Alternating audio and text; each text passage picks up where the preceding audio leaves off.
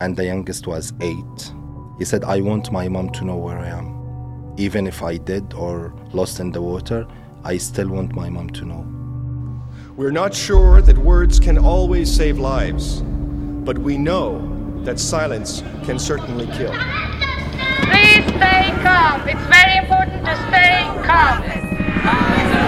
Det er derfor vi andre må rope så jævlig høyt! How are you? Leger uten grenser. Det du ikke vet.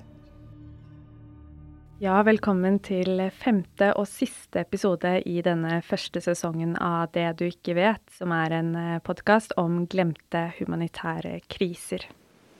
Du befinner deg midt ute på havet. Du ser ikke land noe sted. Alt du vet, er at du på død og liv ikke vil bli sendt tilbake til det du dro fra. Den skjøre båten du sitter i sammen med 50 andre, den har begynt å ta inn vann. Og under deg er det bare dypt, svart hav. Så ser du en båt i det fjerne. Er det redningen? Eller er det de som vil ta deg tilbake til Libya? Det sentrale Middelhavet er verdens dødeligste migrasjonsrute. Og per dags dato i år har 677 mennesker mistet livet. Leger uten grenser redder mennesker i havsnød på denne ruten, og en av de som har vært med på flere titalls redninger, det er Salah Dasuki. De siste ukene har han jobbet på Geo Barents, som er båten vi nå har på havet. I will switch to English now, so Salah, welcome. Thank you so much. You just returned to Norway from the Mediterranean. So I must ask first, how are you? I'm doing well, actually. Obviously, tired as everyone because uh, we had more or less quite hard rotation recently with 473 survivors on board. They stayed with us for, for a while, waiting for the port of safety. Obviously, this was exhausting for us and for them. So I'm doing well, but obviously tired. We're going to talk a bit more about your role uh, on the ship, but first of all, can you just shortly explain why Doctors Without Borders is in the Mediterranean doing search and rescue work? Let me say very briefly and clearly Doctors Without Borders taking the responsibility in behalf of the EU because EU doesn't take the required responsibility in order to save the lives in the central Mediterranean. So, MSF or Doctors Without Borders doing that role. This is why they are there to save the people in behalf of the EU, who should take that responsibility. Because the European states don't have any ships At all. Mm. No, they don't. Your role is uh, being what we call a cultural mediator. Uh, what is that? I always uh, introduce my uh, my position as the culture bridge between Doctors Without Borders and the survivals, who we are rescue them from the Central Med. So mainly, I am this bridge, culture bridge between the organization and the people. I do the translation part, and we do on on board. We do something called testimonies where we can hear all the stories from the people about their experiences they went through in Libya or in their homelands, but particularly in Libya. And we do the protection part. So mainly it's culture bridge, translator, protection, and the testimonies in order to pass to the whole world what's going on in Libya because still many people they don't recognize what's really going on there. And you're in um, also in a special position, maybe, to understand uh, a bit what they're going through. Because back in 2012, wasn't it? You fled your home in Syria, so you have the experience of being a refugee. Do you want to share a little bit about your story and how you ended up in Doctors Without Borders?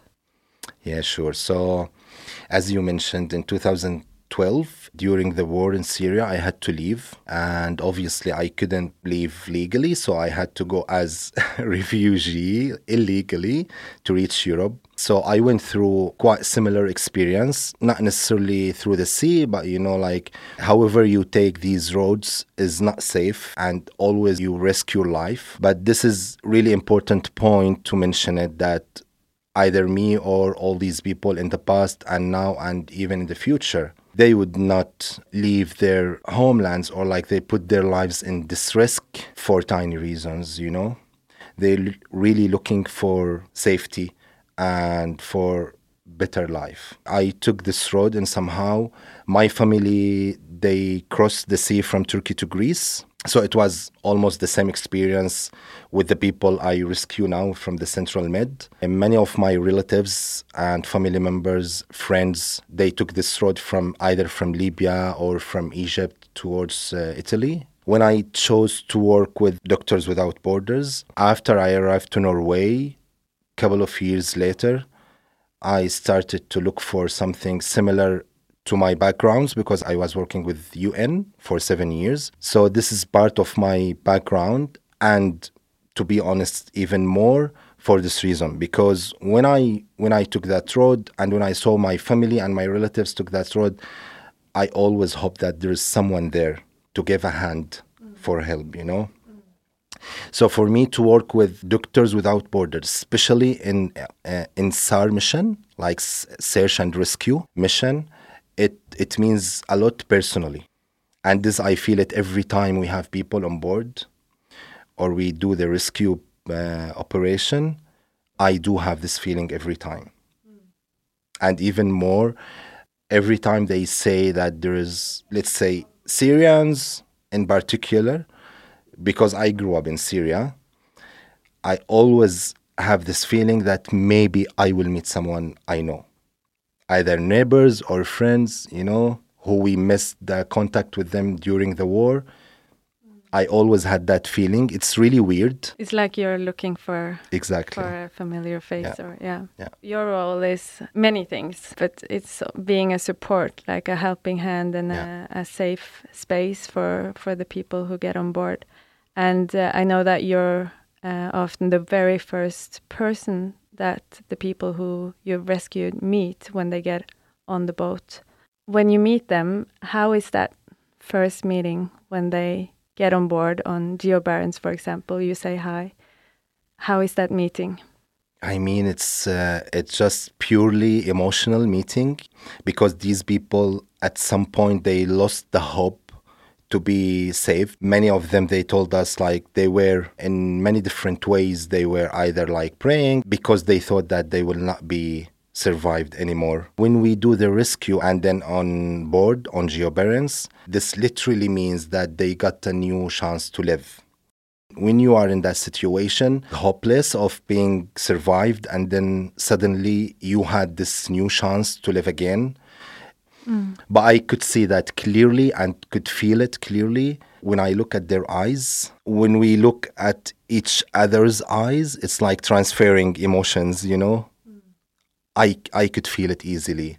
The atmosphere on the boat is obviously it's very tough and often sad, I, I would guess, and tense, but uh, I've seen videos of you guys also like playing around a bit and uh, dancing, singing. Is that also something you try to kind of, you know? Yeah, sure. Because these people who who getting on board, you cannot imagine how stressful moments they went through, either in Libya or uh, the journey itself in the sea, or even back to their uh, past life in their homelands.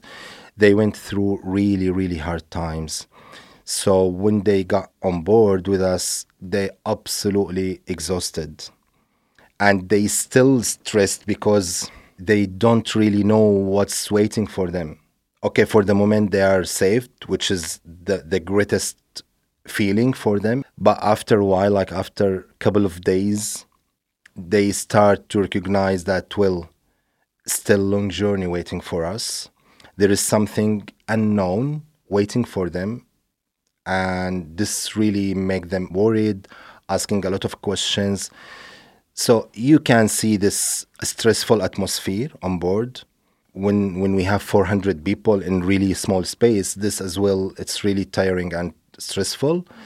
All these all these things and even more, yeah, make this stressful atmosphere on board. So we do as much as we can reduce this uh, this atmosphere level by doing a lot of activities as much as we can uh, playing dancing uh, we do sometimes like uh, language classes either english french sometimes arabic whatever but just like to to give some benefits and to to let them pass the time in the best way ever before we got the port of safety. Yeah, because the port of safety, that's the destination, but you don't really know necessarily where the destination is going to be. There are different places, often in Italy, that you do the disembarkation. According to international law, people have the right to be disembarked in a safe port, and Libya is not considered a safe place by the UN.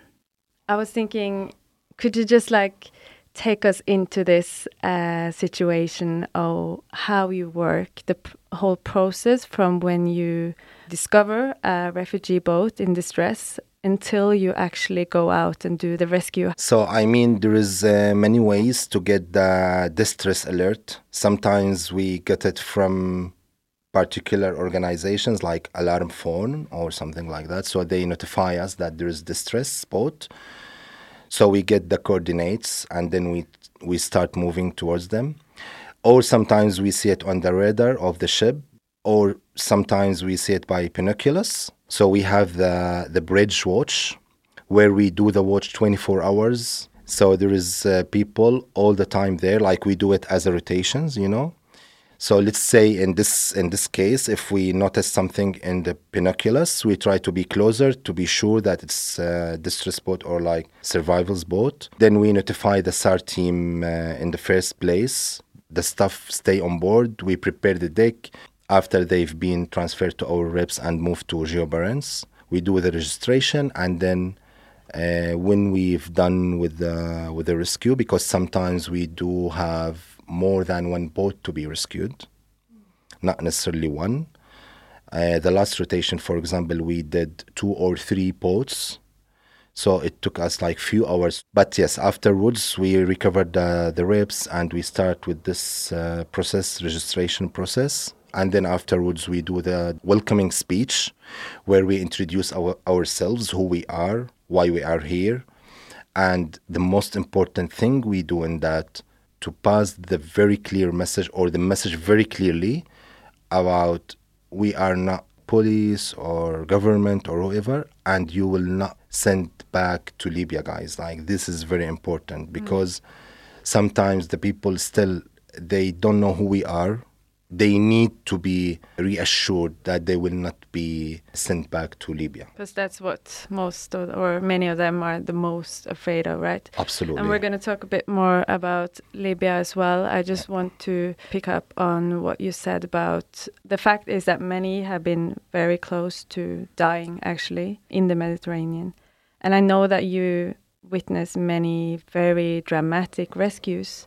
Do you remember one of them or do you want to share the story of one of them? Yeah, sure. It happened in November. So we did rescue a boat with 110 people on board. But unfortunately, we found 10 bodies in the lower deck because that boat, it contained like two decks. So there is 10 guys between 17 and 27 years old. They're all really young. They were sleeping in the lower deck. So during the journey, it was like uh, because all the boats have uh, fuel on board. So we found out that they passed away because of fuel suffocation. And even when we got them out of the lower deck and we got them on board on GeoBarents, their position when they did it was like the position how they slept, you know. This was one of the most like hard moments for me on on on board because they're looking for better life Yeah.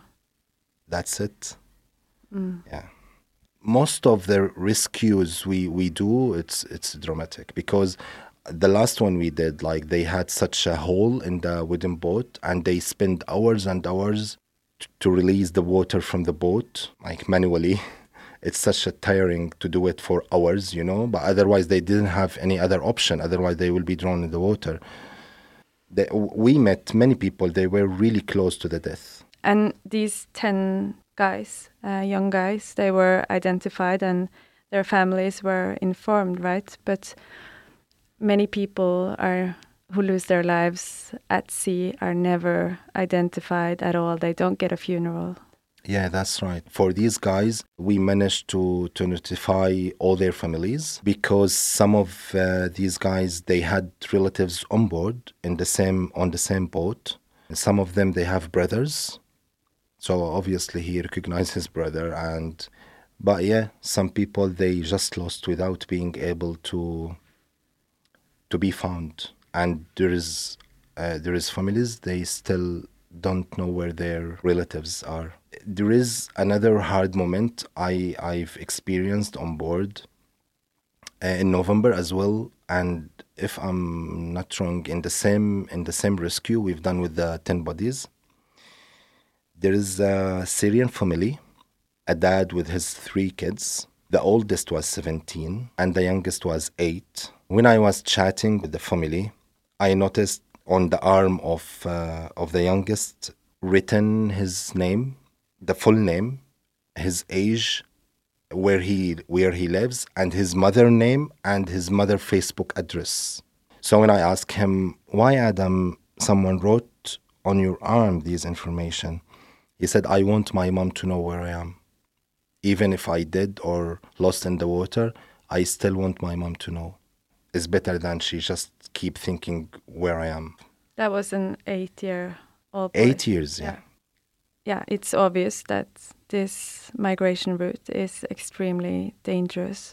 The big question is why do people decide to take on this journey? It's really big questions, but it's really easy answer, I guess. I bet that there is no one will risk his life in this way if he had better life. So these people they had really really bad life either in their homelands or in Libya. This is why they decided to take this route it, because they know the risk of it. Obviously they know. But still for them some like I hear that like myself I heard it many times from different people saying that we would rather die in the water but not going back to our homes or to Libya. Mm. No one will risk his life or her life if they got better life. These uh, boats depart from Libya, but before that, they they have different backgrounds. All of these people. Which countries are the most of them from? You would say. So let let's let's say the most the majority coming from uh, West and Central Africa, the majority, but still like sometimes we have the majority from Eritrea, the majority from Northern Africa, but yeah, in in general the majority from Central and Western Africa. I know that you hear very tough stories. Do you want to share any of the stories that you've? Uh, Yeah, sure. I mean, there is a lot, a lot of stories I heard. One of the the hardest one I I heard recently when I was on board just like a month ago. There is a guy from Sudan. He's 19 years old, so he's still quite young. He left Sudan because of the civil clashes there. He had to leave with his family. He has a daughter. Uh, his wife has been killed there in the clashes, and his mother and his dad. So almost he lost his half of his family. So he tried to leave with his sister and daughter, but at some point he lost them. He couldn't find them anymore. He had to leave to Libya. He thought maybe he can get a better chance if he got into Europe, and then he brought them to Europe in somehow. Once he arrived to Libya, he has been detained in one of the detention centers in Libya for a year. He has been tortured badly, beaten, lack of food, lack of water. It was such a bad life conditions there, you know. And they demand for for money, but he couldn't give any money because he doesn't have, and he doesn't have family to call them and get some money in order to he to be released. So easily they cut his ear because he couldn't pay the money. And then afterwards he, he managed to escape from the detention center. They didn't release him. He escaped. When I was talking to him, I just couldn't really couldn't handle that story because when I thought he is just 19 years old and he already experienced all of these tough moments. I mean, you know, usually like when you are 19, you are still too young, almost no responsibilities, huh? But for this guy, 19 years old, with all these experiences he went through, it was so tough. And the most difficult part for him was that he still doesn't know where his sister and daughter. He has no idea if they still alive, if they dead, if they kidnapped. He doesn't know anything about them. Just to talk a bit more about Libya, why are that many uh, migrants and refugees coming to Libya? And also, you mentioned the detention centers. What's uh, what's the deal with that? So let me explain brief, briefly about this. So Libya, the people coming to Libya for two reasons. Some of them they come just to work because they have better chance to work or better money they think, or the others they come in order to to come to Europe to cross the sea because Libya is the easiest gate to reach to reach Europe. Some of them they know what's going on in Libya, they know about detention centers, but maybe they couldn't imagine how bad it is, you know? But obviously, every single one I met, he or she told me that if the time go back and that we knew that this gonna happen to us in Libya, we would rather to die at our homes than to go to Libya and to, to cross the sea. So it's really hard situation in Libya. The det- detention centers, it just uh, unhuman treatment there. And you mentioned the Libyan Coast Guard. We need to talk about them as well because they're also operating in the Mediterranean. Who are they, the Libyan Coast Guard? I mean, they introduce their themselves as the part of the government who they protect the borders or to stop the illegal immigration. So they stop the boats carrying refugees crossing the Mediterranean and they return them to Libya and to these detention centers. So you Yeah, that's right. I know that it's a really hard time for most of the people on board, but I know that you also have some really good moments together. Yeah, sure. I mean, uh, I guess we have uh, more nice moments than the hard one because we do it from the heart, you know, and they do feel it. So we really share these moments together, we as MSF staff members and the survivors. So when we dance or when we sing or when we play sometimes any games uh, together, it it's really about sharing real feelings and moments. It's not just because we want them to pass the time in the best uh, way ever. This is obviously a reason, but no, like when we do it, we do it because we like to do it. We like to share the people. We feel it. So this for us is really great. Sometimes we just sit together. I mean, I'm talking about myself at least because I'm the culture mediator, so I talk to the people a lot. When we sit sharing like funny stories from their life or they tell funny funny things about each other and then we all laugh. Like these really build such a nice relation between me and them. I cannot tell you every time they leave i do have this feeling. I really really miss them after they leave. I feel that the boat is really empty. Of course i want them to to get off the boat for two reasons because i am tired tired as everyone and because they are tired and this is what they need, what they want. They want to be disembarked eventually in Europe to keep going with their journey. But still, even when I'm so exhausted and tired, when they leave, every time I go around the, the deck and try to to remember what happened at this corner, what we talked with who, how we laughed. I do remember these moments every time they leave So for me, uh, always it, it's really nice moments I spend with them, and I build such a, a good relation with them. And I mean, many people afterwards they they kept in touch with me, mm. and yeah, they telling me what's going on with them. That's really nice to hear about as well. Yeah, I think that's an important aspect too. In the end, I just want us to touch upon a topic that has received quite some attention lately because of the war in Ukraine. Because Doctors Without Borders have been quite vocal about what we call a double standard by the EU and the European states in their treatment of refugees from different parts of the world. What are your thoughts on that, Salah? I'm totally agree with the MSF uh, speech because it's real. I mean, either I'm MSF uh, staff member or not. For me, as a human being, this is very clear that there is double standard in Europe between the treatment with the refugees or immigrants from out of EU and from the people who are coming from Ukraine. And I can, I mean, everyone can see clearly why. Just uh, in the very end, the name of this podcast is uh, Det du ikke vet, what you don't know. So uh, I wonder why is it important for you to come here today and share these stories? as MSF in general, acting in the Central Med to pass the message to the people in the ward, to the people who are responsible, to pass the message about what's going on in the Central Med and in Libya.